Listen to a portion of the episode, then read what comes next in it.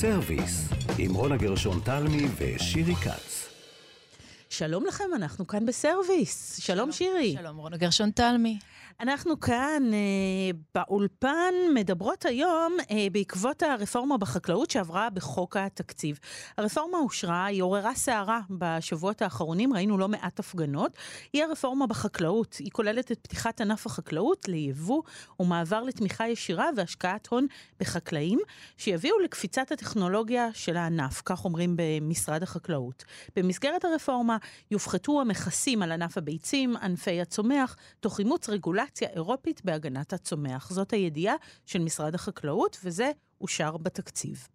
אז על זה נדבר היום, נדבר עם חקלאים אה, ונדבר עם אנשים שעוסקים במעשים האלה ונדבר אה, גם עם אה, סוציולוגים וכלכלנים שיסבירו לנו את העניין הזה. זאת אומרת, בסוף, שירי, נדמה לי שמה שאכפת לנו, האזרחים, זה כמה עולה לנו המלפפון והענבים שאנחנו קונים בקיץ, אבל יש לזה עוד המון המון אספקטים והשלכות חברתיות. גם על, גם על הצלחת שלנו וגם על החיים בכלל. זהו, זה גם כסף, זה חשוב, אבל זה לא רק. על זה נדבר היום.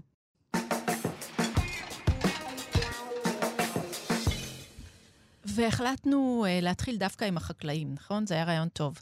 נתחיל עם uh, איילה נוי מאיר, היא חקלאית, היא יצרנית שמן זית, והיא מריש לקיש. שלום איילה.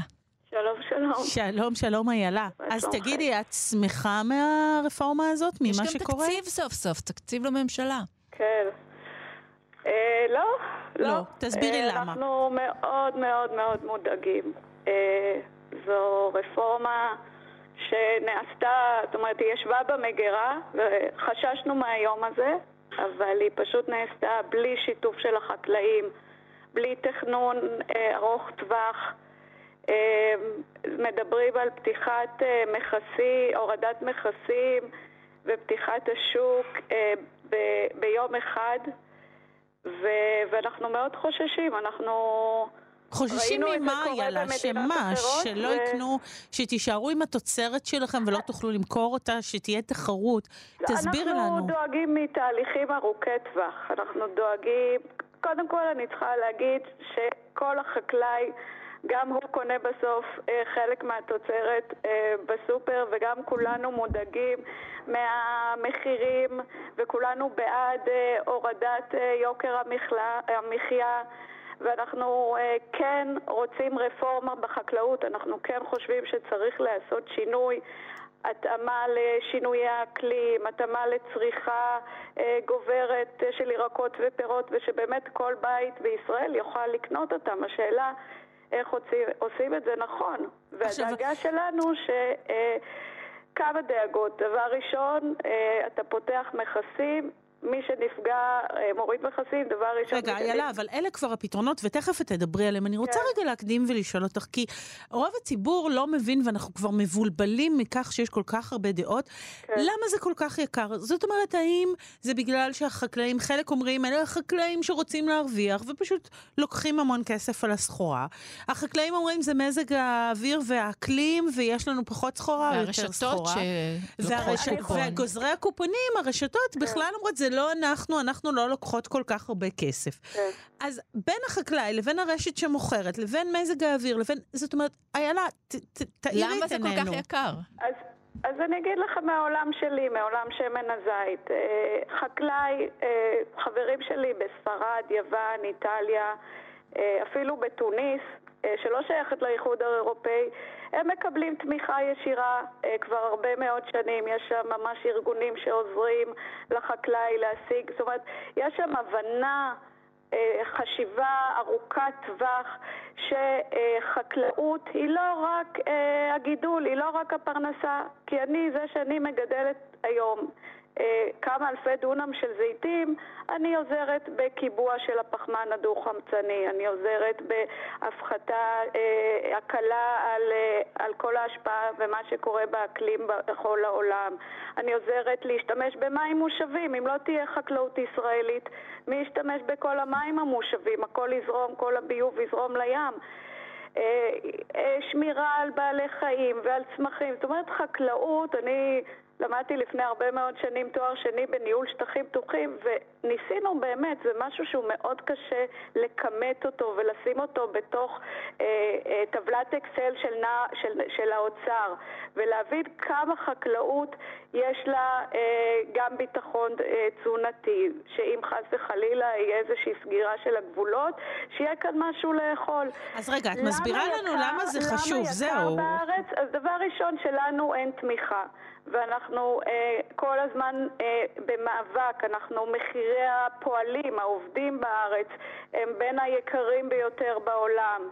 אה, אבל לא אה, הביאו כוח אדם זר? אני בכוונה שואלת אותך כדי להבין, הוא זול, לא? אנחנו משלמים לעובד פה בישראל, אנחנו משלמים 350 שקל ליום עבודה, שזה בסדר, אבל אנחנו משלמים לו גם פנסיה לכל החיים, ואנחנו משלמים לו עוד ועוד ועוד ועוד, וכל הזמן מקשים עלינו לקבל את העובדים האלה, והלוואי והיו חבר'ה צעירים שהיו באים ו- ו- ועובדים באופן קבוע בחקלאות. זאת אומרת, הלוואי שזה היה מצב, אבל אנחנו, אני גרה בצפון, ולמצוא עובדים צעירים בעונת המסיק זה פשוט בלתי אפשרי.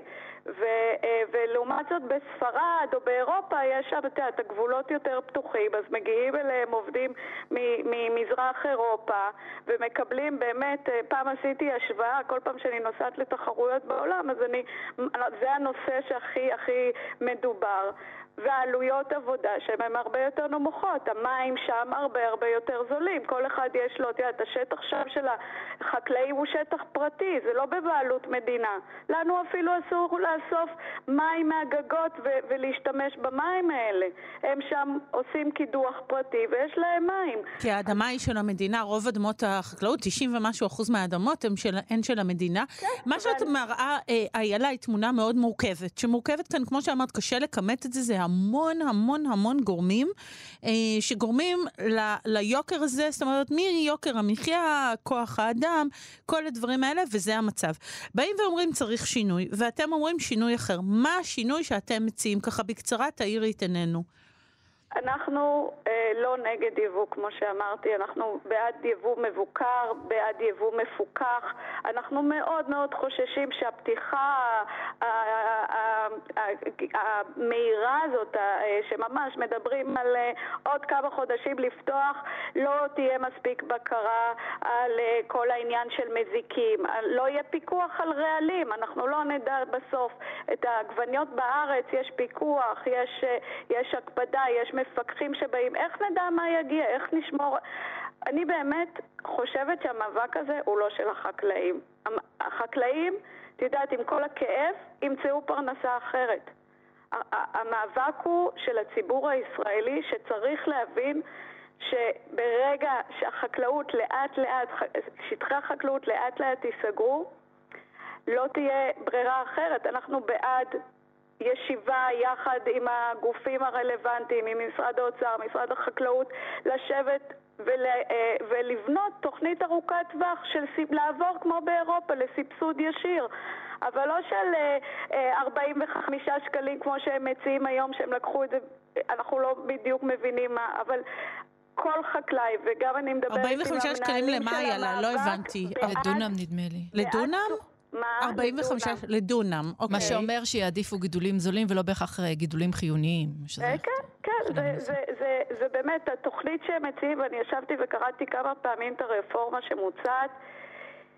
יש שם דברים טובים, זאת אומרת, יש שם דברים שאנחנו חייבים לעשות, ו- ו- ו- ובאמת אה, אה, גם את יודעת להצעיר, להכניס אה, עוד צעירים ולגרום להם לחזור למשקים שלהם, וגם באמת שיהיה מספיק, שנוכל מספיק, לגדל מספיק מזון בתנאים ש- ש- שיש היום. זאת אומרת, זה באמת שנה מאוד מאוד מאתגרת עכשיו עם הפירות. ואנחנו חקלאים, אנחנו, אנחנו תלויים במזג האוויר, אבל המזג האוויר הזה גם קיים בספרד ויש שיטפונות בכל... אתם, אתם יודעים, זה לא רק ישראל. זה לא רק אנחנו, כן. וחבר שלי עכשיו, גיא רילוב, היה עכשיו בטורקיה, אז הוא שלח לי הבוקר צילום, גם שם 20 שקל לפירות, אה, או בין שמונה, כאילו, המחיר הזה הוא... הוא, אה, הוא, הוא בכל העולם. אה, לא, פה לא פה, מדברים על 20, דיברו על 50 שקלים, זהו. באמת גם הסיטונאים, גם כל כן. השוק הסיטונאי שהוא... אה, וגם כל הניהול, הרשתות שיווק שהן מאוד מאוד חזקות ושולטות, המע"מ שהוא מאוד מאוד גבוה, למרות שלמע"מ על ירקות אין, אבל, אבל יש דברים שמאוד מאוד מקשים עלינו. אה, ואנחנו פשוט רוצים להיות חלק מהתהליך הזה, אנחנו רוצים להיות חלק מהרפורמה, אנחנו לא רוצים ש, שנקום בוקר אחד ולא תהיה חקלאות ישראלית. ושוב פעם, אנחנו נמצא פרנסה אחרת. אני לא מודאגת שאני לא אצליח למכור את השמן זית שלי. אני מודאגת ש, שהציבור הישראלי לא ידע איזה שמן זית מגיע אה, למדפים ויציף את המדפים ו, ו, ושלא יהיו יותר את החקלאים הקטנים והבינוניים, שמי שישלוט זה החקלאות הגדולה, זה כל מיני חברות גדולות. ועוד חמש, עשר שנים יהיו מעט חקלאים בארץ, ואז המחירים יעלו, ולא יהיה אפשר לחזור אחורה. זאת אומרת...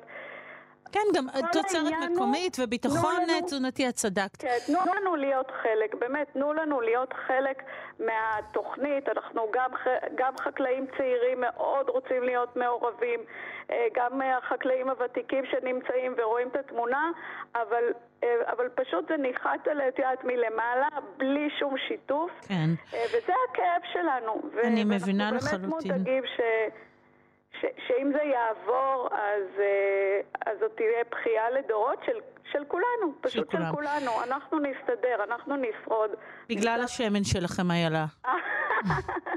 כן, אה, אני רוצה לשאול אותך, את עדיין נהנית להיות חקלאית? יש בזה, את קמה בבוקר ויוצאת החוצה מוקדם בבוקר אל השדה או אל עצי הזית ומחייכת?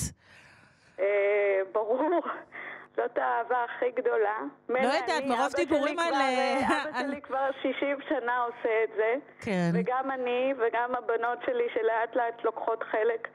אה, והנה, סתם, לדוגמה, אה, ביום שישי נשרף לנו כמעט 20 דונם של זיתים בגלל שטחים חקלאיים שלא נמצאים, לא מטופלים. אה, ואף אחד לא טיפל בעשבייה, ולמרות שאנחנו טיפלנו והכל, והכל היה בסדר, אבל בגלל שטחים שננטשים, אז השריפות הולכות ו, ובגלל הטמפרטורה והרוחות וכל השינויים האלה, אז את יודעת, איבדנו 300, אה, דונם, כמעט 300 עצי זית שטיפלנו במשך 20 שנה באהבה גדולה, וזה כאב ענק. אבל אנחנו קמים בבוקר אופטימיים, אנחנו הולכים ומטפלים בהם ובאמת חושבים על רעיונות איך להמשיך הלאה, כי כי אנחנו עושים את זה דבר ראשון מתוך אהבה לאדמה, ובאמת אה, כל חקלאי שתדברי איתו צריך להבין שזה, שרובנו רואים בזה שליחות. זאת אומרת, אה, ו, ואני כבר לא ממש מכירה חקלאים מיליונרים או כאלה ש, ש, שעושים על זה. רוב החקלאים הקטנים והבינוניים הם אנשים שבאמת חיים יחסית בצניעות ו, ולא מנסים לגזול אה, את כספם של הציבור. אנחנו באמת כולנו רוצים להוזיל. השאלה איך עושים איך, ומה. איך עושים את זה נכון, איך מנהלים נכון. לא, וגם מותר להתפרנס, לא צריך להתנצל על פרנסה, לא, ובטח כן, לא על עבודה קשה של האדמה, וזה חשוב תרבותית וחברתית, והשאלה הגדולה היא באמת, איך עושים את זה, ומי הם בעלי האינטרסים. אז... אני מקווה שבנושא הסבוך הזה אתם תראו אור, ושקודם כל תהיה חקלאות ישראלית, ושתמשיכו לאבד את האדמות. אני מודה לך מאוד ומאחלת ימים טובים. איילה נוי מאיר, יש לקיש, כן תודה. להתראות, איילה, ביי ביי. שירי. אה, רונה, את אה, כל הזמן אומרת לי, אוי, אבל זה כל כך מסובך, הדיון הזה, ורצינו לפשט. רצינו לפשט, וגם רצינו יותר להבין בצורה מסודרת מה בעצם קורה, ולשם כך אה, רצינו לדבר על נייר העמדה שהוציא הפורום להנהגת התזונה, ואנחנו נדבר עם סיון בן אברהם, דיאטנית ואפידמיולוגית מהפורום להנהגת התזונה. שלום, סיון. הפורום הישראלי לתזונה בת קיימא. או, כן. אוקיי, מצוין. שם מכובד. אז כן. קדימה, בעצם הוצאתם נייר עמדה, מה, נכון. מה בנייר? תסבירי. אה, אולי אני אתחיל רגע מלהסביר מה ברפורמה. אוקיי, אני... כן, קדימה. כן, אוקיי. אז בעצם יש אה, שני אלמנטים עיקריים ברפורמה שעכשיו אה, מונחת על השולחן לגבי הגברת התחרות בחקלאות, שבעצם שני האלמנטים האלה הם אחד, ביטול של מכסות ליבוא ומכסי מגן, שבעצם זה אומר לפתוח את השוק ליבוא של פירות וירקות וביצים. Mm-hmm. והדבר השני שמדובר עליו זה הפחתה של רגולציה בתחום של הגנת הצומח. Mm-hmm. עכשיו, בעצם הרעיון הוא כמובן מבורך, שפירות וירקות, גם בעיני הפורום, צריכים להיות נגישים לכולם ומרכיב חשוב מאוד בתזונה בריאה. ואין ספק שלהוריד מחירים של המוצרים האלה זה דבר חשוב. ואנחנו גם יודעים שחלק מהישראלים נמנעים מצריכה של נכון, ירקות ב- ב- נכון. בגלל המחיר, זה חסם. כן. נכון, mm-hmm. במיוחד האוכלוסיות החלשות, זו נקודה חשובה, שהן הראשונות שבעצם מוותרות על רכישה של פירות וירקות אה, כשיש בעצם אה, מצוקה כלכלית. Mm-hmm. אה, אז אה, כאמור, הרעיון הזה הוא טוב, אבל אה, בעצם מה מנסים אה, לעשות כאן זו פעולה שהיא קצרת טווח, מבוססת על שיקולים כלכליים צרים, אה, ובעצם אין כאן ראייה של מה הולך להיות בהמשך הדרך. אנחנו יודעים מהעבר שהפחתה של מכסים אה, היא לא בהכרח הובילה לירידת מחירים לצרכן. זאת אומרת, השינוי בעצם התגלגל יותר לכיוון השיווק והקמעונאים ופחות לכיוון של הצרכנים. אה, כבר נעשה בעצם... ניסיון כזה בארץ? להפחית מכסים? עם, עם מוצרים אחרים. Mm-hmm. ובעצם מה שקורה כאן, עוד בעצם נקודה שאנחנו חייבים לזכור שמזון הוא לא עוד מוצר צריכה, כן? Mm-hmm. זה לא בגדים או, אה, לא יודעת מה, טלפונים. זה איזשהו צורך קיומי, והמדינה חייבת בעצם להפעיל פה איזשהו שיקול דעת יותר ארוך טווח לגבי איך היא מספקת לאזרחים מזון שהוא גם, אה, גם בריא וגם נגיש אה, וכן הלאה. עכשיו, אם אנחנו אה, פותחים את השוק ליבוא, פוגעים ביכולת של הייצור החקלאי העצמי בישראל, אנחנו בעצם מגיעים למצב שענפי חקלאות שייפגעו, יכול להיות שיהיה לנו פשוט בלתי אפשרי לשקם אותם. עכשיו, כל זה קורה כאן על, על רקע של חוסר ודאות מאוד גדולה לגבי אה, המצב האקלימי, וכמו שראינו, אפילו בתקופת הקורונה, היו מדינות שסגרו בעצם את המכירה של, אה, של מוצרים אה, לישראל. כי בעצם אה, כל מדינה אומרת, היי, האנשים שמתגוררים אצלי, הם קודמים, אני מתעדף אותם. זאת אומרת שיכול להיות נכון מצב שבתוך התעדוף ישראל לא תהיה קיימת. לגמרי. עכשיו, גם לזכור, צריך לזכור שישראל זה שוק קטן, בסופו של דבר. זו מדינת אי, שוק קטן, הדברים פה צריכים להגיע באוניות וב... זה, זה קשה לה, לה, להוביל לפה בעצם את המזון הטרי, והיא לא תהיה באיזשהו סדר עדיפויות גבוה של מדינות אחרות אה, בעצם אה, לדאוג על הצרכים שלנו. אנחנו חייבים אה, לוודא שיש לנו בעצם את היכולת לדאוג למרבית הסל התזונה הבריא בעצמנו. איך לא מבינים זמן. את זה בממשלה, סיוון? איך לא? זאת אומרת, את אומרת כאן טיעון שלכאורה ברור לכולנו, כל מי שחווה עכשיו את הקורונה מבין מה זה אומר, על בשרו. פתאום לא ידענו, נלך לסופר, כן יהיה, לא יהיה, מחסור בביצים, מחסור בעגבניות. גם לא היה, תכלס הגעת לסופר כן. והמדפים היו ריקים, כן. זאת אומרת, חווינו את זה מקרוב. אז, אז זה, זה מין אלמנטרי כזה, אלמנטרי ווטסון, אז איך זה שזה לא הדבר הברור הראשון על השולחן? אה, טוב, קטונתי, כן? חשבתי, אולי יש לך אה, תשובה, תשמעי. אה, תראי, בטווח המיידי, זה, זה תהיה כאן השפעה, ואני חושבת באמת בהסתכלות אולי של פוליטיקאי, אז אני מוריד את המחירים, זה דבר טוב. אבל חייבת להיות כאן באמת, אה, תראה, הפורום חושב, בהחלט צריך לעשות כאן רפורמה. זה, זה לא שלא צריך רפורמה, חייבת להיות רפורמה, אבל היא צריכה להיות בהסתכלות מאוד מאוד רחבה. עוד נקודה שלא אה, נגענו בה זה בעצם מה, מה מציעים ברפורמה מעבר לפתיחה של, ה, של השוק ליבוא, הם אה, כן מציעים שתהיה איזושהי תמיכה ישירה לחקלאים, שזה דבר מבורך, שתהיה תמיכה ישירה. הבעיה שמה שמוצע הוא בעצם מאוד מאוד אה, פשטני, לא מסתכל על כל ענף אה, גידול בצורה ספציפית, ומציע בעצם סכומים שהם לא יספיקו כתמיכה.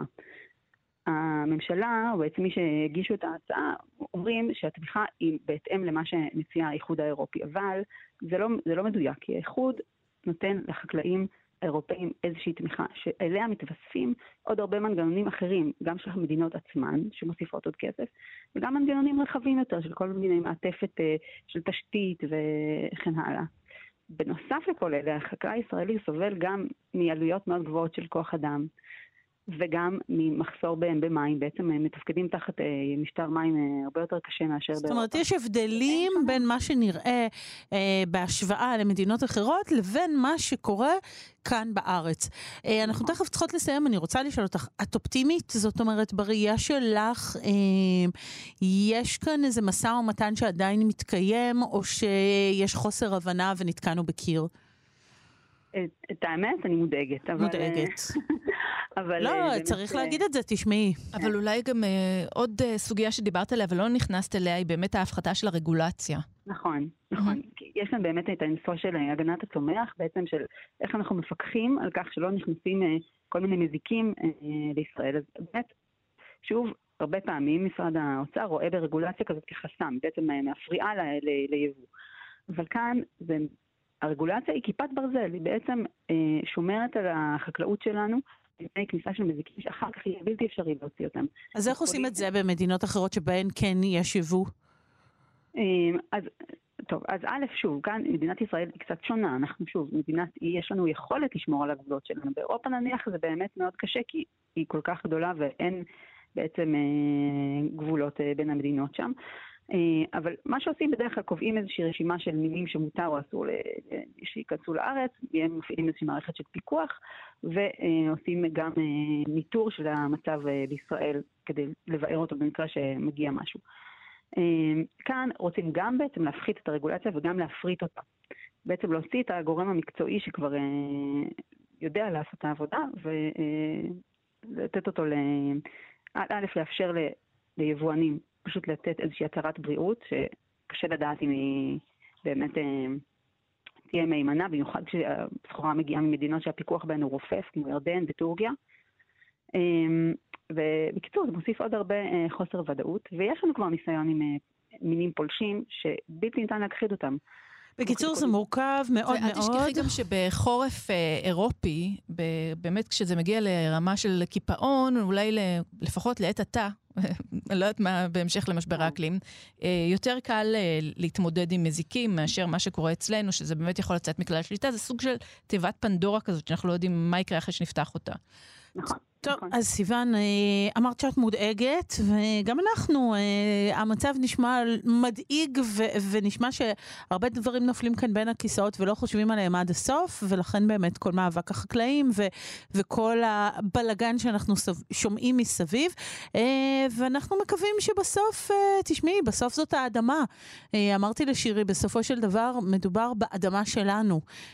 זאת אומרת, וזה, לאכול מהאדמה שלך זה הדבר הכי נכון באינטואיציה. אופציה, כמו להבין שקורונה ותעלת סואץ ואוניות שנתקעות ודברים אחרים יכולים אה, לגרום לאסונות, זאת אומרת, כולנו צריכים קצת להקשיב לבטן. לחלוטין, ורק להגיד גם באמת, אם, אם תהיה פה תוכנית סדורה, יש כאן עדיין יכולות מדהימות של חקלאות ב- בישראל. אנחנו צריכים לשמור עליהן. נכון. חייבים לשמור עליהן. זה חלק מהנכסים שלנו, אין לנו הרבה משאבי טבע אה, ומכרות אה, זהב, אבל יש לנו ידע חקלאי. תודה רבה. סיון בן אברהם, הפורום הישראלי לתזונה בת קיימא, תודה רבה. להתראות. ביי. אנחנו ממשיכות עם אה, סרוויס והרפורמה החקלאית, uh, ועכשיו אנחנו בתוך האקדמיה עם... אה, היינו uh, שני הוגים חשובים. כן, כן. פרופסור uh, נמרוד לוז, ראש רשות המחקר במכללה האקדמית כנרת, וחוקר במרכז מקס ובר באוניברסיטת... איך קוראים לאוניברסיטה בגרמניה? ארפורט. ארפורט? לא, אמרנו, לא נכון, תגיד, תגיד את לא, הטייטל היפה הזה. נכון, רק הפתיחה היא קצת מפריעה לי, אני ארד מהקו על הדגולים. חכה, חכה, חכה, פרופסור, פרופסור, חכה רגע, אנחנו צריכים להציג אה, עוד אה, אה, דוקטור נכבד, כן. כן. שלום, דוקטור קרמפ. שלום, היי. היי. שלום רב. אז אנחנו רוצים לדבר איתכם, אחרי שדיברנו אה, עם חקלאי שסיפר לנו קצת, חקלאית, חקלאית שסיפרה על המצב, ושמענו קצת על הדוחות שנכתבים כאן על העניין, אנחנו רוצים את המחשבות שלכם. נמרוד, בוא נתחיל איתך. אני רוצה אבל לשאול את, אה, את אה, פרופסור לוז בהתחלה. כן. אתה קונה ירקות בגרמניה? מה ההבדל במחיר? אני לא מפסיק לעשות את ההשוואות, וזה כל פעם מחדש אה, מהמם אותי. אה, לדוגמה, ואני הולך על, אה, על פרי של יבוא. לא פרי שגדל כאן. האננס בשוק הפתוח שנמצא כ-300 מטר מהבית שלי, אני יכול לקנות אותו בארבעה יורו. Mm-hmm. אצל הירקן שלי האהוב עליי, אני חייב להגיד, חזרה בישראל, המחירים מטפסים גם ל-70 ו-80 שקל לאננס. טוב, אז, אבל המקרים... אננס הוא קצת, בוא, הוא קצה. בוא נדבר על עגבניות ומלפפונים. זה בדיוק האבסורד, זה בדיוק האבסורד. לא, לא, לא, זה, זה קצת יותר מסובך, כי אננס לוקח 22 חודשים לגדל אותו. עזוב, זה סיפור ארוך ויש בעיה עם מזיקים לא, והכול. אבל... אבל בוא נדבר רגע על ירקות ופירות. רגע, רגע, אני רק אמסגר את זה, אני אמסגר את זה. כן. למה הזכרתי את האננס? Mm-hmm. יכולתי לדבר על מלפפון שגדל פה. אננס הוא מוצר יבוא. Mm-hmm. ולכן, כל הסיפור פה, לא, בעיניי הוא בכלל לא קשור לחקלאים שלנו. זה בדיוק העניין. אז למה הוא קשור? בו. ספר לנו, נמרוד. תראי, הסיפור הזה הוא, הוא ארוך כ, כימיה של האנושות. והוא תמיד בסוף מגיע לאופן שבו החזקים ינסו לשמר את הפריבילגיות שלהם. זה עד כדי כך פשוט. עכשיו, במקרה הישראלי, ההיגיון הקפיטליסטי שהשתלט עלינו, והוא השתלט עלינו, מוביל לכך שאנחנו כל הזמן מודדים את החיים בטווח הקצר. זאת אומרת, העדשה שלנו היא נורא נורא מצומצמת. המחירים של הירקות אה, גבוהים, בטח החקלאים אשמים. זה כל כך בדרך שוכח כל כך הרבה סוגיות הרבה יותר משמעותיות שקשורות לדבר הזה, למה יקרה לנו אם לא נבין באמת מה הסיפור מאחורי הדברים, שזה מזכיר לי את המשפט הידוע שמי שהולך עם פטיש ביד, כל דבר נראה לו מסמר. זאת אומרת, זה תמיד אותו סיפור מהאוצר.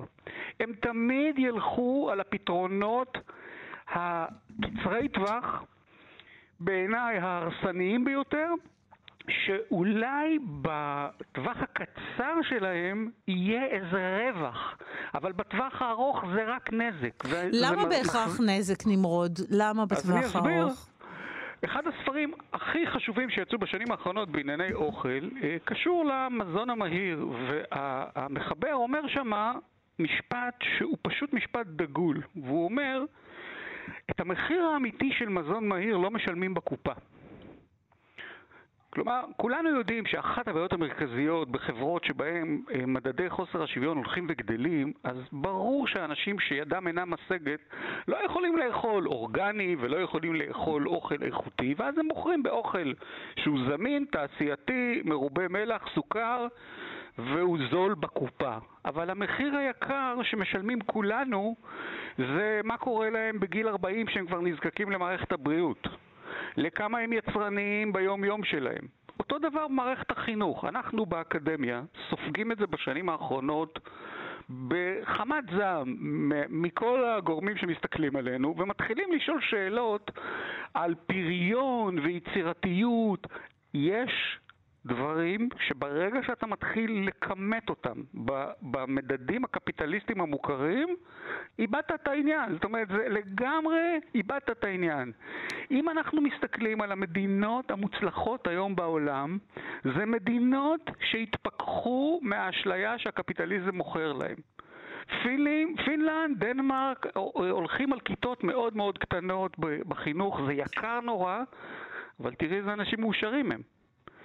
ובישראל הולכים אחר המגמה המאוד מאוד אמריקאית הזאת של פתרונות שהם בסוף, כשאתה מסתכל מה יקרה איתם, גם על זה אם יהיה רווח בסוף, זה אני, אני בספק, וכבר קראתי לא מעט אה, אה, מומחים, תכף נשמע את אריה בעניין, אבל שאומרים גם אם יהיה, הש, התוצר בסוף יהיה שולי.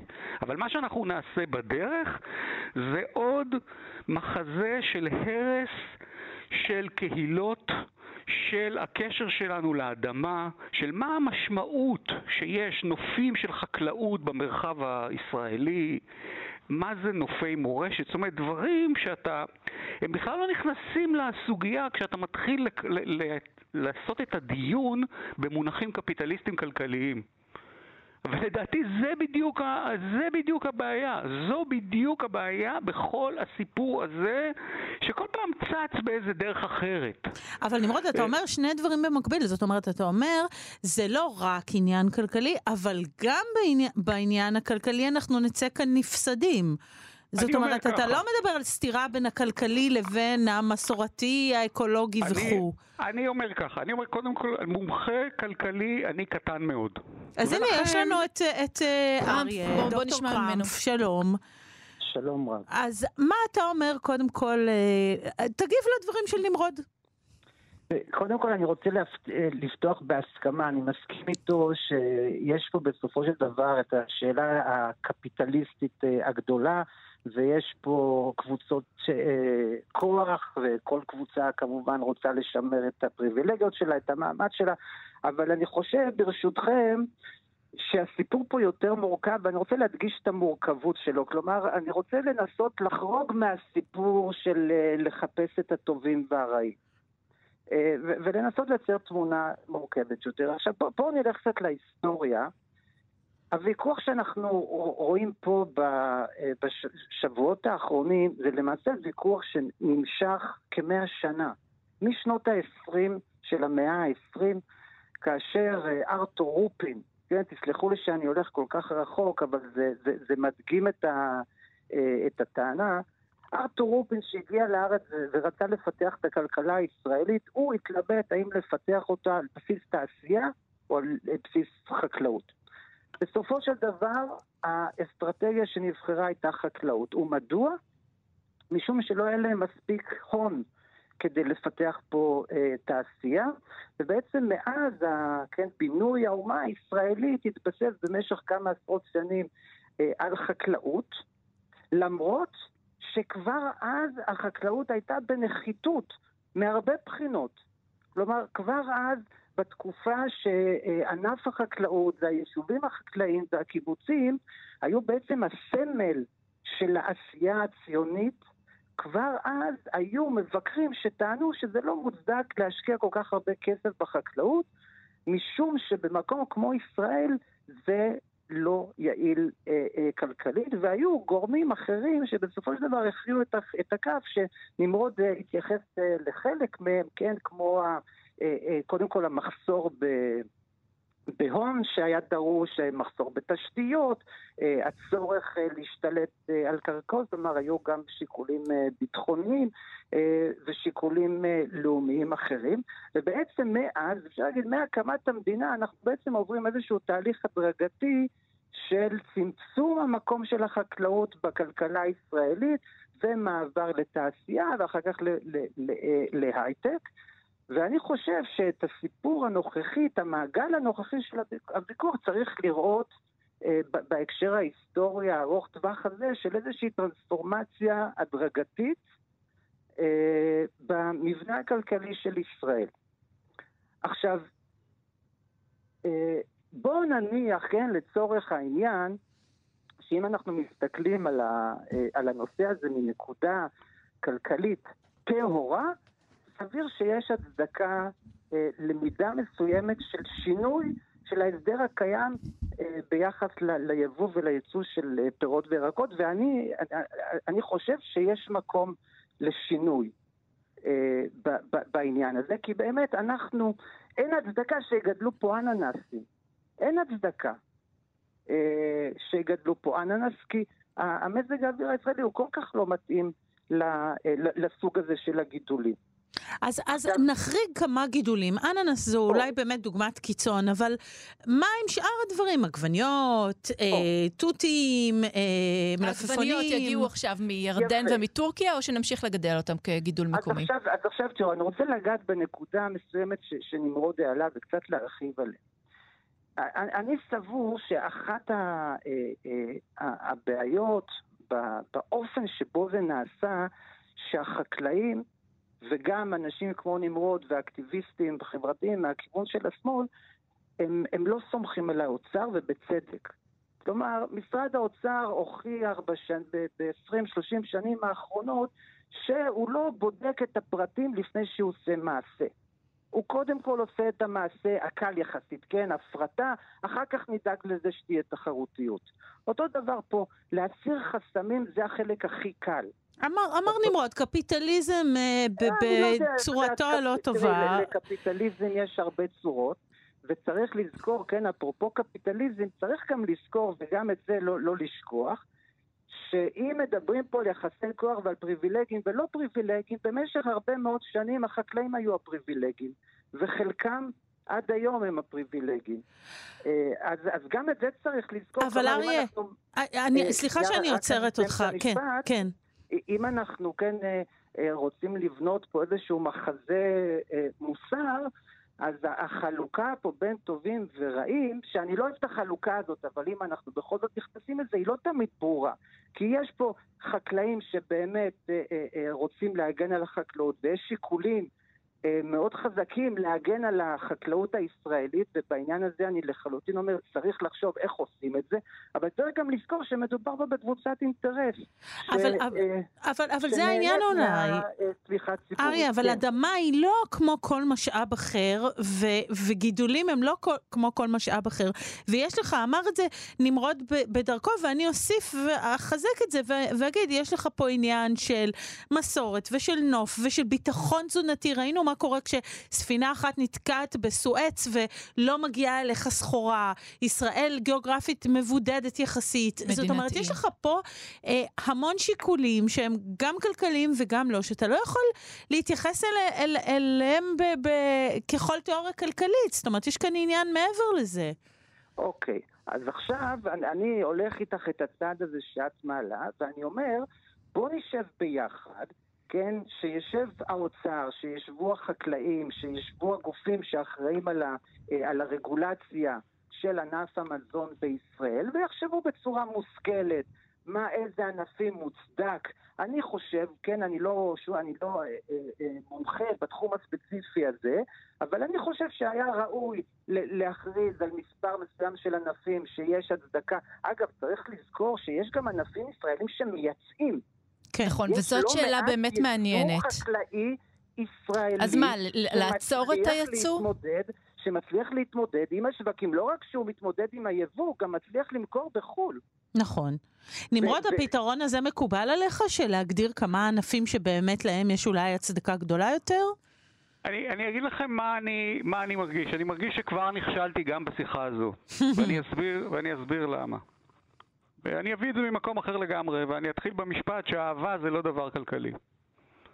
ומשפחה זה הדבר הכי לא כלכלי שאני מכיר. אנחנו משקיעים שם ים של כסף, והמון פעמים חוטפים אה, הרבה דברים לא נעימים בפנים, ואתה אומר לעצמך, בשביל מה השקעתי? והמשפט הידוע שאם יש לך עשרה שקלים אז בחמישה שקלים תקנה לחם ושיהיה לך ממה לחיות ושבחמישה שקלים תקנה פרח שיהיה לך בשביל מה לחיות לדעתי מאוד הולם כאן. אני אנסה להסביר למה אני מתכוון. אני בכוונה נמנע מלהישאב לתוך המסגור התכליתי שאריה מבקש לעשות לתוך הדיון הזה. אה, כי אני, בהקשר הזה, אני בטוח שאם אני אשב עם כלכלנים, הם יסבירו לי למה וכל מיני דברים. אבל כרגיל, איכשהו בסוף, ולכן אני משתמש במילה קפיטליזם, בסוף בסוף בסוף, לא משנה באיזה חלק בעולם אתה בודק את הדבר הזה, כל ההפרטות וכל היעילות, בסוף זה תמיד חל על החלשים והקטנים ביותר. הגדולים, מה שקראנו too big to fail, הם איכשהו בסוף האוצר יחלץ אותם. אה, אה, יש לנו כמה טייקונים בארץ שכבר שנים חייבים מיליארדים. ואף אחד לא נוגע בהם כי הם גדולים מדי בשביל לגעת בהם. הרבה יותר קל להרוס את החיים לאיזה חקלאי שמגדל משהו ומתקיים בקושי באיזה מושב בנגב, כי זו החלטה שאף אחד לא יכול להתווכח איתה. ולכן אני אומר, כל המסגור של הדיון צריך להיות במקום אחר לחלוטין. אני חייבת במקום הזה רגע, להגיד רגע, לך רגע, משהו, רגע, כן. רגע, רגע, אני באמצע הפאתוס. הוא צריך לשאול, צריך, אנחנו צריכים לשאול את עצמנו, איזה מין חברה אנחנו רוצים להיות? מי אנחנו בכלל? עזבו אותי מציונות עכשיו, עזבו אותי מזה... אני רואה בעולם, עזבו אותי מישראל עכשיו, בסדר? אני רואה בעולם, באיטליה, בספרד, בארצות הברית, המקום הכי חזירי שיש מבחינת קפיטליזם. חקלאים מקבלים סבסוד כי אנשים התחילו להבין גם בעמדות השפעה שזה חשוב שהם יישארו במקום שלהם. באיטליה הם היום מחיים את החקלאות בכסף ממשלתי כי הם הבינו שהצעירים בורחים, שאין נוף, שאין בשביל מה לחיות בכלל. ואנחנו כאילו ממציאים את הגלגל כאן מחדש. בסוף היום, גם כשאני קורא את הדברים, אני אומר, אוקיי, בסוף משפחה ישראלית תחסוך 800 שקל, זה מה שהם מבטיחים לנו במקרה הטוב. לא, אבל, אבל נמרוד, קודם כל, באמת, אם לא, נמרוד, נמרוד, נמרוד, אם יש אנשים שלא אוכלים ירקות כי אין להם כסף, אנחנו רוצים למנוע את זה, אנחנו רוצים לאפשר לכל מי שידו אינה משגת לצרוך ירקות ופירות. גמור, זה בדיוק מזה התחלתי. איפה אתה רוצה לשים את הכסף? בחינוך או בסעד? בחינוך או בבתי סוהר? זה בדיוק הסיפור. הרי בסוף, כשאנחנו נלך עם כל התוכניות המדהימות האלה, שבוודאות ייכשלו, כי הן לא נוגעות בדברים האמיתיים, כי החקלאים הם לא הבעיה. לא מה הם יגדלו, ולא מתי הם יגדלו, ולא איפה הם יגדלו. הבעיה היא, זה כל המערכת שיושבת על הגב של האנשים העיקרים האלה, ואנחנו הפכנו את הפירמידה האנושית. במרבית הקיום האנושי, יצרני המזון היו רובה של החברה והחלק החשוב בה. בעידן המודרני הפכנו את הפירמידה, כולנו חיים מהאנשים האלה, לא מפסיקים לרדת עליהם וכל הזמן רוצים שהם ירוויחו פחות. בסוף היום לא הם הבעיה. לא הם הבעיה. וכל זמן שהם יסגרו את זה בצורה הזאת, אנחנו נגיע לאותם פתרונות, ואז נשב בוועדה ונגיד, אוקיי, אננס לא, פלפל כן. זה לא נוגע בעניין האמיתי. והעניין האמיתי... ואנחנו רואים את זה מדוגמאות בעולם, מהתאבדויות של חקלאים בהודו, ומבריחה של חקלאים באיטליה, ומהמהומות שמתרחשות בצרפת. בסופו של יום, אם אנחנו לא נתעשת ונבין שהחקלאים האלה הם אולי החוליה החשובה ביותר שיש בחברה שלנו, לא נבין שום דבר. אז, אז נמרוד... שאני עושה, בקמפוסים שאני עושה עם אותך רגע, אני רוצה רגע, אני, אה, אה, כן. הבהרת את הנקודה היטב ואני מבינה אותה, ואריה, אולי נמרוד מדבר כאן על משהו שהוא מעבר לכלכלה, על פני חברה, על ערכים, על ראייה קדימה של איזו מין חברה, זאת אומרת, יש כאן שאלות הרות גורל שנמרוד מעלה. אני רוצה להגיד שתי נקודות. אה, ואני אנסה לנסח את זה בקצרה. ראשית, אני אה, לא מקבל את ההבחנה בין כלכלה לבין כל השאר. זאת כלומר, השאלה הגדולה, כן. לא, אז אני אומר, לא, אין הפרדה, יש הפרדה מבחינה אנליטית. כשאנחנו רוצים להבין מה, איזשהו תהליך מסוים, אז אנחנו עושים הפרדות, אבל בסופו של דבר, אם אני מדבר על זה בצורך של איזושהי רוויזיה, אני לא מסתכל על זה רק דרך הרובריקה הכלכלית. מדובר פה, תסתכלו, בסופו של דבר, אם יש כסף שהולך למקום אחד, הוא לא הולך לכיוון אחר. עכשיו, על מה, מה, מה כן אה, אה, כי אני פה בדיון, אני כאילו, יש לי, תפסתי את הפוזיציה של בעד התהליך, כי נמרוד נגד, אבל אני רוצה למקם את הטענה בצורה מדויקת יותר. כלומר, אה, אני סבור התוכנית כפי שהיא, כרגע אני מתנגד לה. אבל אני כן חושב שצריך לעשות שינוי, והשינוי הזה צריך לכלול בנוסף לחשיפה יותר גדולה של המשק הישראלי ליבוא, גם טיפול בשוק המזון הישראלי. כי כמו שאנחנו יודעים, והחקלאים הם לחלוטין לא הגיבור הרע בסיפור הזה. אני לחלוטין מקבל את מה שנמרוד אומר. בסופו של דבר, מי שעושה את רוב הרווחים זה רשתות השיווק. שהם גם יגזרו את הרווחים כאשר יפתחו את המשק הישראלי ליבוא, הם אלה שירוויחו, ואין אה, עדיין, אה, אה, הממשלה לא עושה את מה שנדרש כדי לוודא שהרשתות השיווק לא יהפכו לעוד יותר ריכוזיות, כמו מה שקורה בענף הרכב ובהרבה ענפים אחרים, שבהם במקום שיהיה לנו מונופול מסוג אחד, אנחנו עוברים למונופול מסוג אחר, וההפרטות בישראל בשנות ה-90 הוכיחו את זה, כן, עברנו הפרטה, אבל עדיין, במקום, לנו, במקום שתהיה לנו ריכוזיות כתוצאה מההסתדרות, אז יש לנו מונופולים פרטיים. אבל אריה, לא נמרוד אומר לך דבר יותר קיצוני פה, הוא לא מדבר על השילוב הזה ועל הראייה של כן כלכלה ביחד, לא, הוא אומר לך, קודם כל החברה צריכה לשים את, הכל, את, ה, את החקלאות והחקלאים בבסיס שלה, הוא מדבר על הפירמידה, זאת אומרת, קודם כל תבין כמה חשובים החקלאים, שזה לא שיחה ש... תראי, רונה, אז אני אגיד לך כזה דבר. אני, כל אחד שבא ואומר קודם כל, אני לא מקבל. אין דבר כזה קודם כל. שמעת נמרוד? כי יבואו, יבואו... שמעתי, שמעתי, ואני גם מסכים עם אריה, אני מסכים עם אריה שכלכלה... סליחה, אנחנו מדברים ביחד, אני רק רוצה להגיד משפט, אריה. דקה, דקה. אני מסכים לגמרי עם אריה. נמרוד, אני לא סיימתי, אני מסיים את הנקודה. יבואו לנו עיירות הפיתוח, יבואו לנו הערבים, יבואו אחר... כל אחד אומר רק דבר אחד. עכשיו, מאיפה אנחנו יודעים מה זה הדבר הכי חשוב? אולי יש לנו בעיות של איכות סביבה, ויש לנו בעיות של חינוך, ויש לנו אין ספור בעיות. אף אחד לא יכול לבוא ולהגיד קודם כל, כי יש הרבה מאוד דברים וצריך לקחת את הכל בחשבון, ואם חקלאי מקבל משהו, הוא מקבל את זה על חשבון מישהו. אז בואו נשב ביחד ונחשוב איך אנחנו רוצים לעשות את חלוקת המשאבים. נמרוד, לסיום, אנחנו תכף צריכים לסיים. אני, אני לגמרי מסכים, וזה המשפט, וסליחה שהתפרצתי לדבריו של אריה, אבל כלכלה זה לא משהו מנותק. כלכלה זה פשוט מה השיטה שבה אנחנו מסתכלים על העולם. לצערי, מדינת ישראל הולכת בצעדי ענק כל הזמן לגישה שהיא כל הזמן בוחנת את הדברים בשורה התחתונה מבחינה כספית ומחמיצה את כל היופי של העולם, את כל הדבר שבשבילו אנחנו בכלל חיים. והתוכנית הנוכחית של האוצר לא תפתור שום דבר מהבעיות האלה, היא רק תחזק את מי שכבר חזק מדי.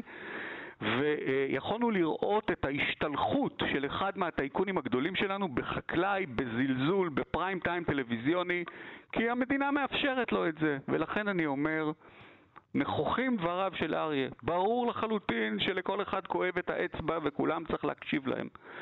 אבל בסיפור הזה, הסיפור של מי אנחנו ומי האוכל שלנו ומה הקשר שלנו לאדמה סביבנו, אני חושב שאפשר להגיד קודם כל, כן, ככה אני מאמין באמת. אריה, במשפט אחד, כי באמת צריך לסיים, אומר אה, נמרוד, אנחנו מחמיצים את כל היופי של העולם כאן, מה אתה אומר על זה? תראי, את יודעת, אה, אמרו לפניי, ההיסטוריה זה תהליך של שינוי מתמיד. אני רואה את ההיסטוריה כמו איזה גל. הגל הזה, היו תקופות שהחקלאים היו בטופ, היו למעלה, הם קיבלו את, גם את המשאבים החומריים וגם את המשאבים הסימבוליים. הם היו גולת הכותרת של העשייה הציונית. והזמן עובר והגל עובר וההיסטוריה מורידה ומעלה חדשים. ואנחנו במדיניות צריכים לעשות מה שצריך כדי שהכאב הזה מהשינוי יהיה פחות קטן, אבל אנחנו לא יכולים לחלוטין למנוע אותו. המון מחשבות מרתקות, היינו יכולים להמשיך עוד אה, המון המון זמן, אבל אנחנו נישאר להמשיך אותם כל אחד עם עצמו. פרופסור נמרוד לוז, דוקטור אריה קרמפ, תודה רבה לשניכם. תודה לשניכם, זה היה מאיר עיניים. להתראות. תודה, תודה. ביי. אנחנו נאמר תודה גם לילנה גולדנברג ולאלון מקלר ולך שירי כץ. תודה רונה גרשון תלמי. והלוואי ובעיות החקלאות תיפתרנה, ובאמת נזכור שבסופו של דבר זאת האדמה. תודה, להתראות.